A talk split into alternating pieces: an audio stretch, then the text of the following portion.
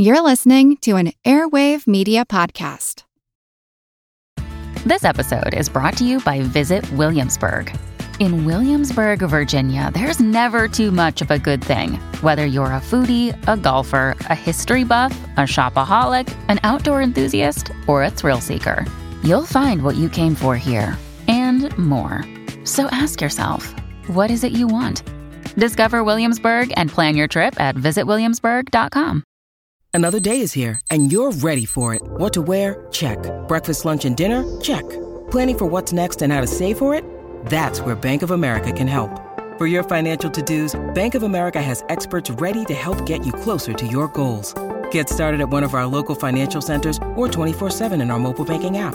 Find a location near you at bankofamerica.com slash talk to us. What would you like the power to do? Mobile banking requires downloading the app and is only available for select devices. Message and data rates may apply. Bank of America and a member FDIC. This is Kick Ass News. I'm Ben Mathis. Hey, folks, I have a couple of quick announcements as we kick off the new year here. I hope you'll help us fund our production costs for 2017 so I can keep providing you brand new podcasts twice a week. Show your support for the show by giving to our GoFundMe campaign at gofundme.com slash kickassnews or click on the donate button at kickassnews.com. Whatever you can give is always appreciated and will help us keep going over here in 2017. I also want to ask you to take a brief listener survey so we can better understand you, our audience, and find advertisers who are best matched to your interests. Just take five minutes to go to podsurvey.com slash kick and take the survey. And when you're done, be sure to register to win a $100 Amazon gift card. Again, that's podsurvey.com slash kick. Thanks for listening, and now enjoy the podcast. Hi, I'm Ben Mathis, and welcome to Kick Ass News. I'm thrilled to have the host of one of my favorite podcasts on the show today. I've been a fan of his work for years. He's the guy who made behavioral economics fun and popular. Well, fun and popular for the rest of us non economists, at least. Stephen J. Dubner is an award winning author, journalist, and TV and radio personality.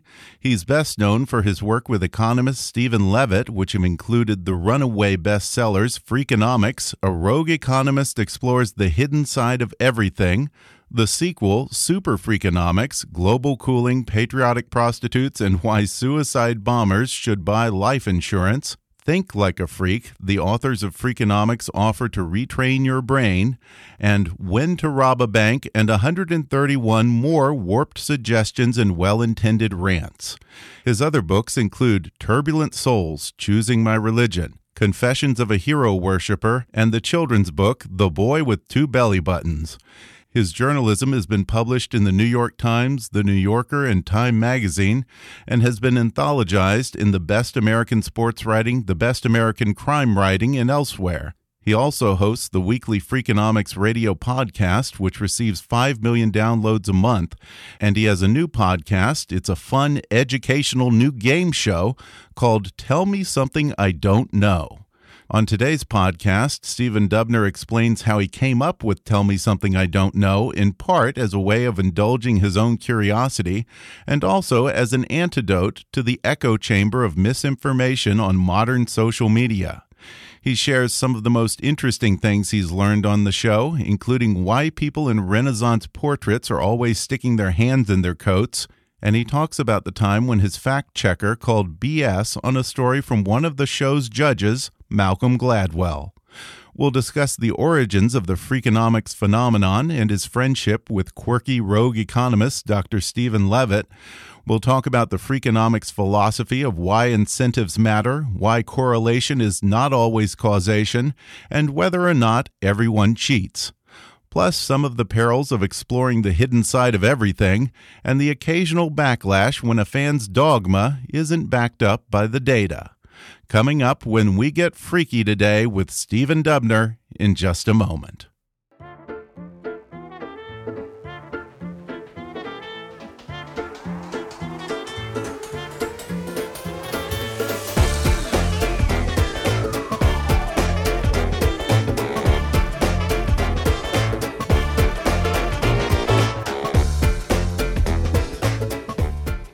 Stephen J. Dubner is an award winning author, journalist, and TV and radio personality. He's best known as the co author of the best selling books Freakonomics, Super Freakonomics, Think Like a Freak, and When to Rob a Bank, as well as his popular Freakonomics podcast. He has a new podcast, a game show no less, that's called Tell Me Something I Don't Know. Stephen, thanks for joining me. My pleasure. Thanks, thanks for having me here. Well, before we get to the new game show, I just want to say I have been a fan of Freakonomics ever since the first book. I have been a religious oh, listener of the podcast for years, uh, so I'm about as close as it gets to a, a super fan or super freak or whatever as it comes. Well, I appreciate it. You know, um, it's funny podcasting, which no one was predicting. You know, ten or certainly fifteen years ago would turn into what it has become. For us, um, it became you know if you write books which is what I do I mean I'm I'm a writer. It's what I always wanted to be for a long time and and I I love doing it. And then but the problem is you write a book you spend 2 or 3 or 4 years in a room um quietly working then you put out your book and then even if you have the good fortune to have it be successful which the Freakonomics books were you know the minute it's out of your hands it's kind of dead in the water. Like you've said what you have to say and it's not going to change at all. It's not going to update. You can't respond to the world. And so Freakonomics Radio, the podcast became, it was really just, I, I started it uh, after my, my partner and I, Steve Levitt, had finished our second book, Super Freakonomics. I was, I was just a little bit like bored. I'd been, you know, cooped up in the room for a few years and I thought it'd be fun to try something a little bit more collaborative. Um, you know, even though Levitt, Levitt and I collaborate on the books, we do it remotely. He's in Chicago, I'm in New York. So the podcast was just meant to be a goof, but what it became, which I love, is a way to kind of keep the Freakonomics conversation going that began in the books, but now extends. And every week, you know, as it's grown, just to know that there is an audience of people who who care about having the same conversations that I do, um, it's a blast. And, but the biggest thing for me is it's just a lesson in how horrible we humans are at well we're bad at a lot of things but we're really bad at predicting the future. You know i had no idea that this would serve that kind of um function but i'm really glad it does because the kinds of things that i like to write about and think about um they do change as the world evolves and as news evolves. And so, uh, so I'm glad you listened to it, and I appreciate that you and everybody else listens to it. Yeah, you were kind of the Philo Farnsworth of uh, podcasting, going back what six years or so. Yeah, I think we uh, yeah. in 2010. Yeah, so so almost seven years now. Yeah, and um, you know there were there were some podcasts around, and then you know the the top charts were dominated as they often are now by the big public radio shows. So this american mm-hmm. life and radio lab. Um but yeah it was a different um a different environment entirely. But um it is remarkable to me and again indicative of how hard it is to see the future to predict the future. It's an old medium you know audio recording. It's basically time delayed radio. Yeah. it's it's really no different than that um, but the fact that the entire universe, for the most part, now walks around with a, a computer in our pockets or purses, whatever, in the form of an iPhone, and that we often are looking for something to do um, with our ears or heads while we're doing something else with our hands makes podcasts kind of you know the perfect multitasking information delivery thing which certain I was certainly not smart enough to see it coming and I don't think that many other people were you know and it's funny because I've been such a fan for so long but I'll confess that I don't know the origin story of Freakonomics how did you and your Freakonomics co-author Dr. Steve Levitt first hook up so I am, um, you know, a, a, a writer, a journalist by training, who'd had um, kind of a, a one earlier career. I played music. I was in this rock band, and I, that was the the dream, and I I loved it. And we uh, we succeeded to the point where we got a record deal, moved to New York City to start to make our record. And then, kind of in the middle of making our first record, I decided I did not want to be a rock star after all. As appealing as it looked like from the outside, uh, I, I decided that wasn't the life I wanted. So I started uh, planning a writing career. Then I, I got involved in, in journalism, and I was at the New York Times, and I was working on a book about what I call the psychology of money, which was really about what we now know as behavioral economics that was going to be called something like um, Money Makes Me Happy, except when it doesn't. So it was about, like I say, the psychology of money. And an editor, my editor, asked me if I would write a profile of this, uh, of this young economist named Steve Levitt at the University of Chicago. Levitt um, was not well known, but he was fairly well known in some circles for one very controversial paper which claimed that the legalization of abortion in the United States led, you know, a generation later to a decrease in crime. The notion being that, you know, unwanted right. children are much more are, are more disproportionately likely to have tough lives and turn into into criminals. And so I, not being a very smart person, when my editor said, "Do you want to write about this guy?" I, I turned him down like two or three times, and the reason was that Levitt whose work was really interesting, had nothing to do with behavioral economics, nothing to do with money, with what I was writing this book about. But then ultimately, as fate would have it, I was going to be in Chicago anyway for some other work, and I decided, you know, let me let me download some of his other papers and read them, and and um, and go spend a little time with him.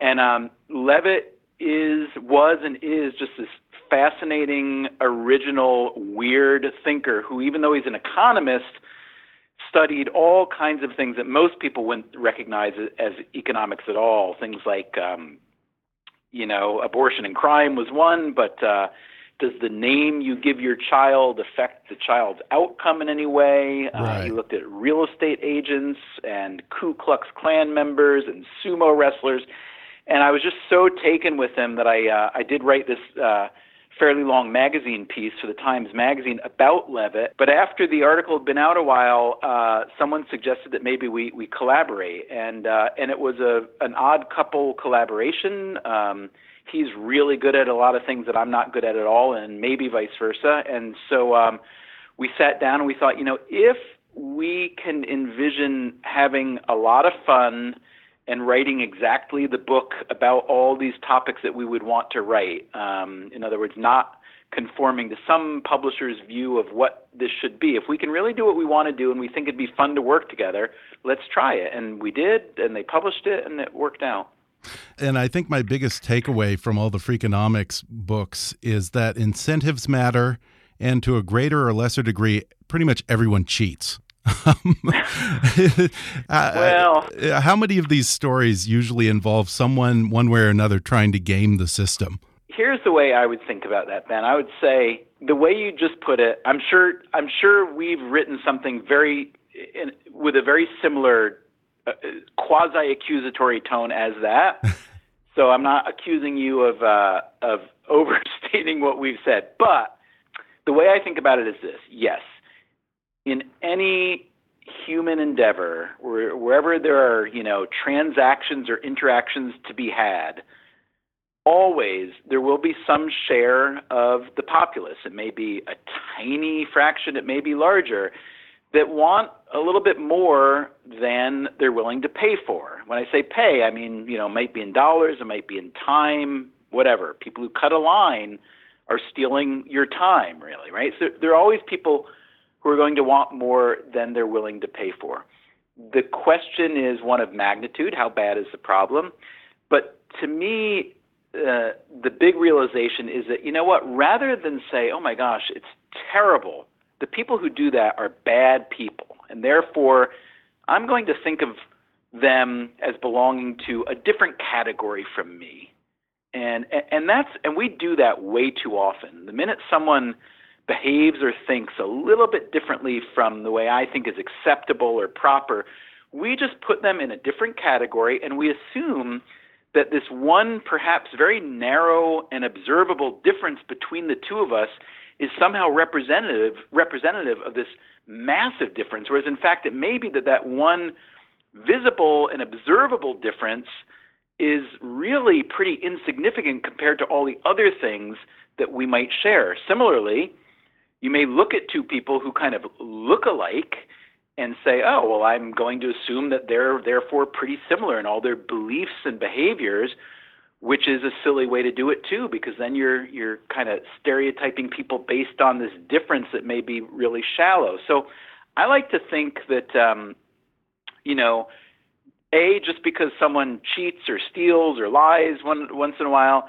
it doesn't necessarily make them a, a bad person. What it means is that they're responding to some incentive in a way that's you know probably a little bit different than than you would respond to.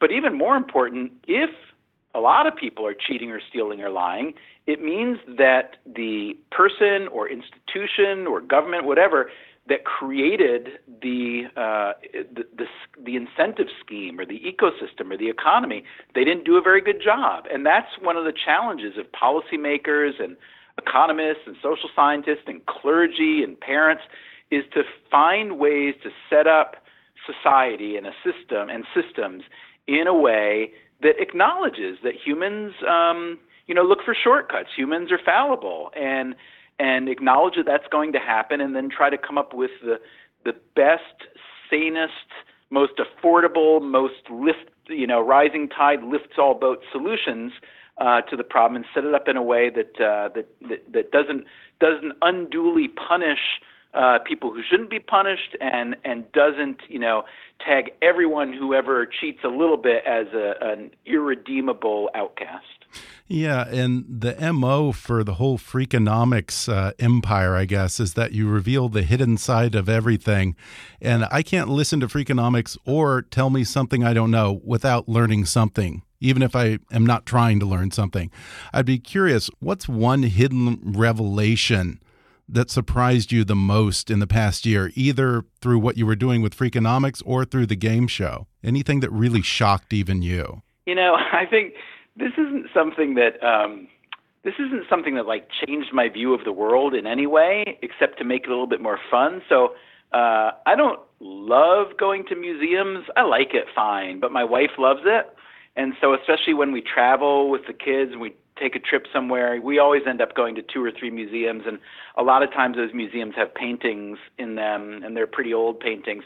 And this one contestant on Tell Me Something I Don't Know uh, told us uh, about the fact that in a lot of um, older paintings, that there would be one thing that was often missing. A lot of paintings of people, one thing that was often missing, which was the hands, or there might right. be one hand showing. And the reason is that um, hands were really difficult to paint and therefore were a lot more costly.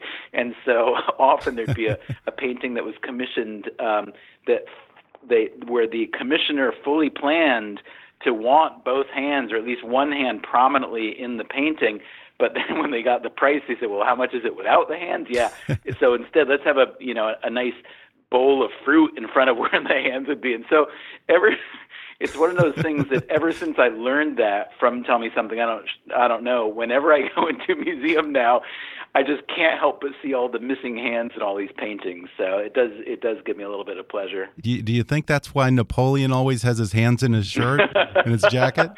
uh, I don't know. I don't know enough to know that, but now I want to. We're going to take a quick break, and then we'll be back with more with Stephen Dubner when we come back in just a minute.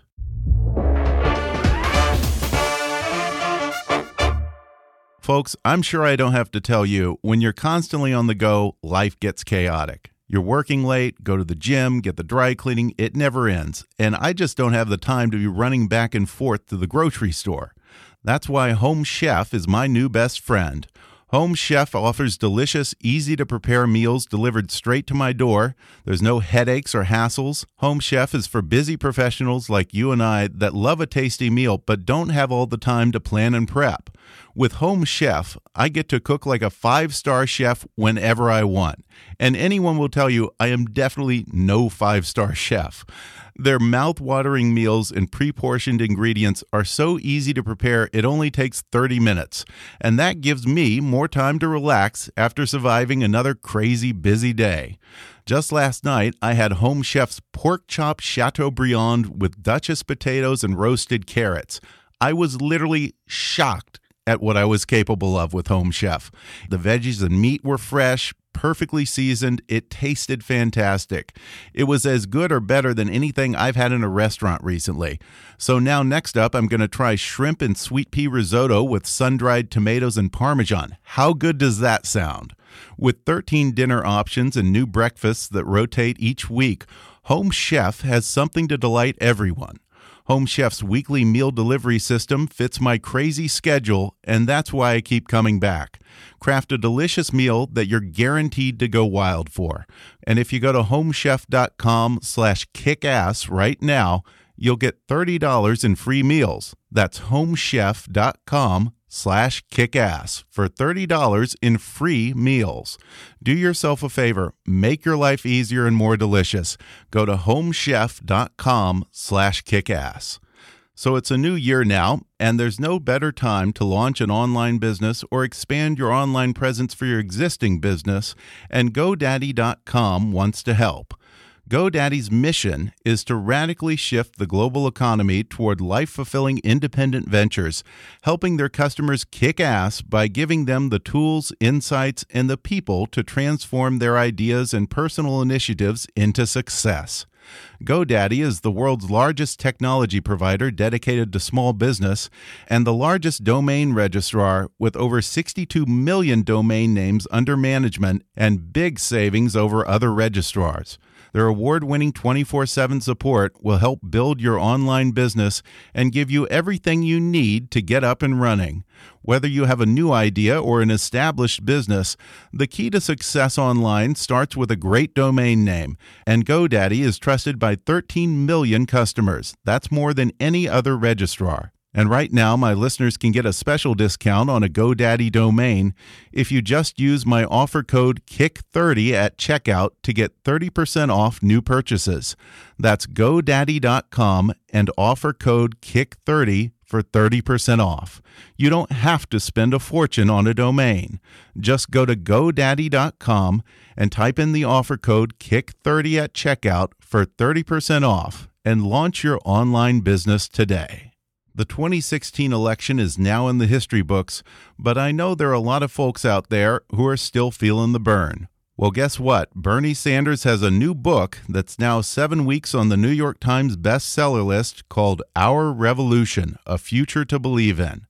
You might remember when Bernie Sanders began his race for the presidency, it was considered by the political establishment and the media to be a fringe campaign, something not to be taken seriously. But by the time Sanders' campaign came to a close, whether you were on the right or left, you could not deny that Bernie had run one of the most consequential campaigns in modern history. And though the campaign is over, Bernie isn't going anywhere. Because for Bernie Sanders, the political revolution has just begun. You can follow along as Bernie Sanders seeks to keep the new administration in check and lays out his vision of a progressive future in his new multi month New York Times bestseller, Our Revolution A Future to Believe in. Referring to his book, The Washington Post says that Sanders is spinning lessons about what really matters in life. Go behind the scenes to learn the details of Sanders' historic primary fight and the people who made it possible in Our Revolution. Available in hardcover, ebook, and wherever books are sold, with an audiobook read by Bernie Sanders himself and Mark Ruffalo. For more information, visit OurRevolutionBook.com and hashtag Read the Bern. Again, that's OurRevolutionBook.com. And now, back to the podcast you know, I almost feel bad for you at times because I don't think that you're a terribly political guy, but you seem to often find yourself in the reluctant position of taking on this or that group's sacred cow when the facts don't support the dogma or their assumptions. Um, do you get a lot of hate mail or people who want to shoot the messenger just because they don't like the data? Yeah, you know, one of the things that I really admired about Levitt as an academic researcher, especially, you're in one of the few realms where you can really do the work you want to do, and you really don't have to care at all about what other people think of it. You yeah. know, as long as you can get some papers published. So I would say that Levitt and I are both um, pretty devoutly apolitical. There's a great freedom in, in just knowing that you know we may be wrong. We try as hard as we can to not be wrong. We may be wrong, but what we're not doing is we're not proselytizing. We're not advocating right. for something because we want it to be so. We're trying to explain what we think really is so. And so, yeah, you get people who um, complain, but there are always going to be people who don't like what you do or what you say, often for their own reasons of their personal preferences. And look, if you're a true liberal or tolerant person or a progressive, you should be in favor of what are called heterogeneous preferences. The idea that that people should be allowed to hold different kinds of beliefs from you, and yet still, you know, you can be, you know, under the same under the same flag or whatnot. And so I find that um, what we do mostly, the kind of people we upset mostly, are people who have blinded themselves so much to the reality because they're so devout about a yeah. particular cause yeah. that they can't look beyond that. And that and that the and Dunning Kruger effect, with. right? So you know, you do your best, try to ignore it. You know, especially after this last election, I feel like we're so cordoned off in our own little echo chamber that we don't get outside perspectives and we don't learn anything that way. Was that maybe part of the idea to make this show an antidote to that? Yeah, entirely. I mean, um, it, it's funny. You know, one thing that that shocked me after the election, which obviously was a very uh, I don't know if toxic is the right word. I know it's been used. It was a very uh, there's just a lot of animosity and a lot of separation and division and all this and and one thing that shocked me afterwards, the day after, I think it was the day after the election when Trump had won, and and uh, and Trump went to visit Obama in the White House. They had this conversation that was supposed to be just a you know quick hello, 15 minutes, whatever, and it right. turned into a, a an hour plus conversation. And afterwards, when they talked to the press, they both seemed you know Trump seemed kind of humbled and you know um, and you really taken with the gravity of the situation and, and grateful to Obama. And Obama seemed a little bit, uh, I don't know. And again, this may all have dissolved by now, but Obama seemed a little bit like, yeah, okay, you know, the the guy knows what he's getting into, and he's he's a serious person. He's going to appreciate it. But the thing that shocked me was one of them. I can't remember which one said, you know, this is the first time we've ever sat down face to face and talked. And I thought, holy, are you kidding me? These are two of you know, the president of the United States and the, the incoming president of the United States, who'd been a very high profile guy for many years, that these two guys had never sat down for a conversation and it uh, and you just think it's it's a lot easier to demonize or vilify someone who is the other who you know right. is not in your orbit and and so there's something uh, really valuable, I think, about the notion of, um, you know, whether it's breaking bread or breaking down barriers or just having a conversation with someone who is very, very, very different from you. And you may find that, in fact, those differences are less material than you imagine. Right. And that's the only way you learn anything is interacting with people who have a different experience or a different background. And I think Tell Me Something I Don't Know puts a neat twist on that because you have experts on various topics revealing things that may not necessarily be widely known or might go against popular assumptions. So tell me, how did you come up with the idea for this game show? So, this game show, Tell Me Something I Don't Know, grew out of really this habit that I developed, mostly on airplanes, but in other places, when I would be put into a situation um, I'm I'm pretty shy by nature. I've always been really shy. When I'm put into a situation with other people, um, and you're kind of expected to have some kind of conversation, I, I wouldn't. It was. It, it's often hard for me. And one habit that I fell into is I, I would ask them, you know, who, you know, what do you do? Are you, a, you know, if it's a young person, you're a student, or older, what's your employ, what's your job, blah blah blah, and then they would tell me, and then I would say, "Oh, well, you know, tell me something I don't know about being a, you know, porn film producer. Tell me something I don't know about being a nuclear engineer." And I found that uh it was a uh, the kind of question that most people, when they're invited, they just really get into it because eh, most of us are fairly passionate about who we are and what we do, and we often don't have someone ask us, you know, tell me something I don't know about that. Um, yeah, so basically, you created an elaborate game show to cover for your social shortcomings and uh, indulge your curiosity, huh? That's the idea.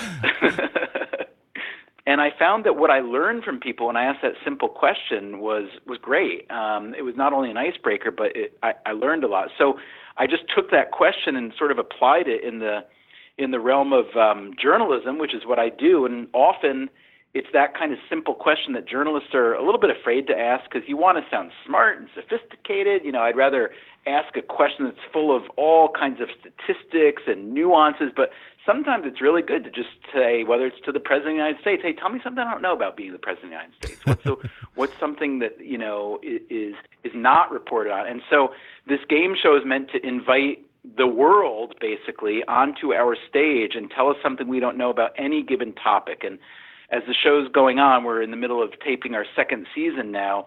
Uh, we're we're zoning in more on um, a little more concrete themes. So coming up, we're taping episodes on on money, on religion, on medicine, and it's journalism essentially, but with a game show format. Yeah, and let's talk about the format. Briefly explain how the game show works. Rather than us, the people running the show, being the kind of experts who are who have a piece of trivia that we're forcing people to guess and making them, you know, they're either right or wrong.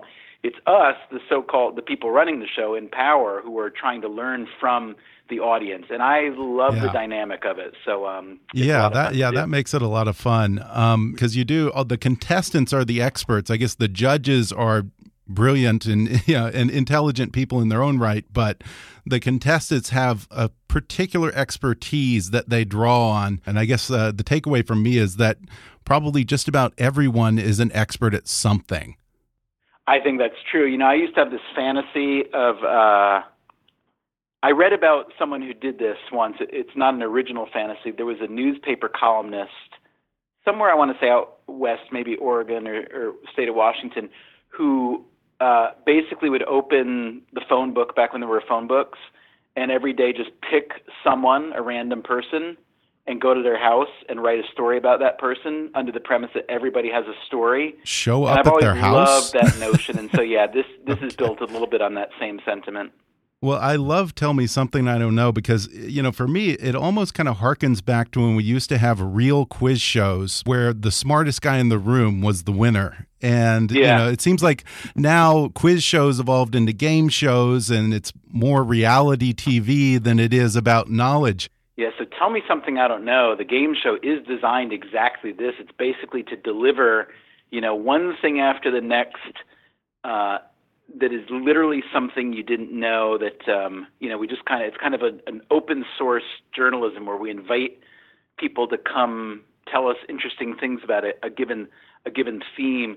You also you have a fact checker to make sure that they're not trying to put one over on people. They're pretty fast with the googling. Um, has the fact checker ever just blatantly called bs on one of the contestants or one of the judges? so I will. I will. I. I don't think.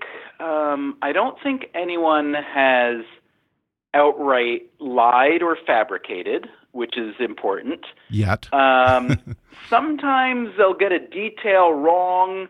Although honestly, I think that's more a function of nerves. Because um, yeah. people aren't really coming to punk us but then we we do have these different rounds toward the end where our, our, our celebrity panelists will have to come up with something um, out of their heads on a random topic.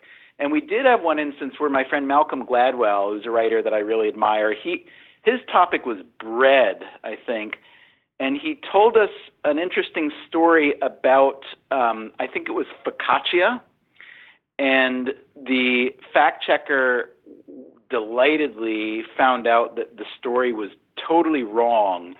And so it provided a moment of, you know, I think a lot of people in the room in the theater when it was being taped, they thought that Malcolm was actually just making it up. In retrospect, what turned out really happened was that the story was right, but Malcolm got the bread wrong. It was ciabatta instead of focaccia.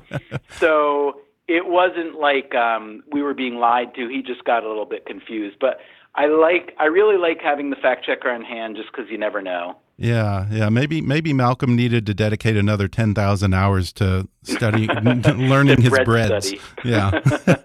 well, before we go, I gotta say I love the show. I do have one small criticism. Please. What's with the crummy prizes? A crate of passion fruits, a stuffed bird, my personal favorite, rubber surgical gloves. I mean, come on, you're Mr. Freakonomics. Aren't you supposed to be all about terrible, incentives? What would you suggest? what would be a better prize? I don't know. You're, you're all about incentives. Surely we can get a sponsor to come up with something here. Now they all they are know, all we- we appropriate thought to the theme, there, though. There, there were some times when we thought about just kind of upping the ante on the prizes, making them more, I guess, valuable is the word. But um, I will say this: uh, I, we're producing this show ourselves out of pocket. And so okay. every dollar is important. So if we can give one of my favorites um, was we gave a uh, a, a, a custom made uh, subway sign where we theoretically renamed um, a famous New York City subway station after the name of the winner and had the sign made up. And um, and that only costs us maybe a hundred or two hundred dollars. So I think it's not so much that we're cheap, Okay. although we are. Um, I think it's just we haven't applied our full creativity yet to the prizes. So Yeah, no I will flat say screen this, I appreciate you're pointing out how bad we've been at that, and now I know that as we go forward, that's an area of improvement for us. So Well, well, that feedback. Yeah, well, I'll give you credit for at least you put a lot of thought into it. And that's what really counts, isn't it? Probably It- not as much as necessary, but uh, we Yeah. try. Um, just real quick, what was the best book you read last year? I figure you're a good guy to ask that. Uh, let's see. So I'm a bad person to ask that because I mostly only finish books that I'm reading for my writing. Okay. Um, I start and abandon probably 85 or 90 percent of all books. Um, I really, I'll tell you one that I, I don't know if this is the best. One that I really enjoyed, in part because it surprised me a lot, but also it was really well written, was um, uh, Trevor Noah's memoir called Born a Crime. Oh yeah. Um, and what I liked about it is, you know, I like stand-up comedy. I like, um, I think a lot of comics are really smart people who write their own material, and uh, you know, I, I like comedy more than entertainment generally. Um, but a lot of books written by comics are just kind of repackaging of their material. Yeah. And, and Trevor Noah's book is a really interesting memoir about a very unusual and very bright kid growing up as a mixed race kid in South Africa toward the end of apartheid. And I I learned a lot, and I was um, and I was just moved a lot, uh, and that is a real treat because that's not what I was expecting when uh, I sat down to read a memoir by a stand-up comic. And so, I think um, having read that now, I'm not surprised that he has connected with people so differently than a typical late-night um, comedy show host. Because I think that there's something really to be said for a, a, an outsider holding the mirror up to uh, you know society. You you have a different kind of mirror than than most people. Yeah. His view of humankind has been informed by his background, which is really extreme and and interesting. And so him just succeeding on a personal level is interesting, but the thoughts that he's developed along the way and the worldview he's developed along the way are really um, I would really recommend that. So yeah, I thought that was a great book. Yeah, I, I actually I think I read about half of that, so now I'm going to finish it based on your recommendation. Yeah. yeah. Well, again, the podcast is called "Tell Me Something I Don't Know." Subscribe to it on iTunes. Did I see that you're taking the show on tour? Is that right? How, how can people get in the studio audience? Yes, we tape live in theaters, and most so far we've done only New York, which is where we're based. We've taped, uh, I don't know, maybe ten or twelve by now. Not all have been released yet, but yeah, we've got our first out of town dates. We are Great. in uh, Washington D.C. on March sixth and seventh, and in Boston on March uh, fourteenth, fifteenth, sixteenth, somewhere somewhere in there. The week after, I know. And um, and if anyone's interested in coming to any of these shows, oh, we're we're also doing more shows in New York soon. So, for any information, our website is tmsidk.com. TMSIDK, as in tell me something I don't know. So people should come to the show. But honestly, the the other thing that's really fun is if you're in one of these places, or if you want to travel, a lot of people have traveled to be on the show. If you want to be a contestant, if you want to tell me something I don't know, that's um, you can also sign up to be a contestant on that same site, tmsidk.com. Oh, terrific, terrific. No plans to come to LA yet? Big plans to come to LA, but not yet. Uh, okay. I mean, I certainly want to get there because I think that the panelists that we could have would be great, and I think the IDKs, what we call the IDKs, the yeah. people telling us stuff, I think would be a lot of fun. So yeah, we definitely want to do a a Los Angeles, San Francisco, and maybe Seattle trip at some point. But again, um, this is a startup um, right. on my dime right now, and so. Uh, so we're just having to try to not lose too much money at, at, one time. So if we can figure out how to how to make that happen yeah. in LA, we'll be there. So awesome. You know, realistically, I'm thinking hopefully by next fall, by the by the fall of um, of 2017, uh, I'd love to get to the West Coast. okay. Well, if you need a fact checker, I'm a masterful Googler. So it's a deal. I'd love it. All right, that awesome. is awesome, and we pay really poorly, just so you know. So I, uh, Even worse than I the prizes. You're committing on the air like this. It's a commitment device that we can hold you to. Okay, well that's fair. You got me on audio. Again, it's tell me something I don't know. Stephen Dubner, thanks for talking with me. Thanks so much. It was a real pleasure.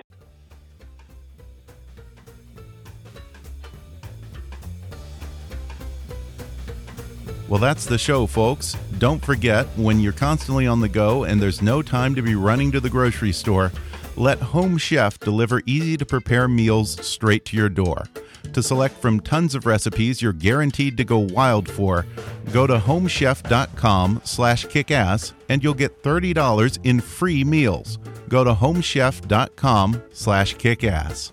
Thanks again to Stephen Dubner for joining me on the show. And if you enjoyed today's episode, then subscribe to his new podcast, Tell Me Something I Don't Know, on iTunes. And I also recommend his Freakonomics radio podcast, also available on iTunes. You can order his books Freakonomics, Super Freakonomics, How to Think Like a Freak, and When to Rob a Bank on Amazon, or you can download any of the audio versions for free through a special trial offer just for our listeners at audibletrial.com slash kickassnews. For more information or to join the studio audience for Tell Me Something I Don't Know, visit Freakonomics.com and follow Stephen Dubner on Twitter at, at Freakonomics. Don't forget to take our listener survey so we can keep the show free and find advertisers who are best matched to you, our listeners. Just take five minutes to go to podsurvey.com slash kick and take the survey. And when you're done, be sure to register for that $100 Amazon gift card giveaway. Be sure to subscribe to Kickass News on iTunes and leave us a review while you're there. You can like Kickass News on Facebook or follow us on Twitter at, at KAPolitics. And please be sure to recommend Kickass News to your friends on your social media. And if you really want to help out, then donate to our GoFundMe campaign at gofundme.com slash kickassnews or click on the donate button at kickassnews.com. As always, I welcome your comments, questions, and suggestions at comments at kickassnews.com. For now, though, I'm Ben Mathis, and thanks for listening to Kick Ass News.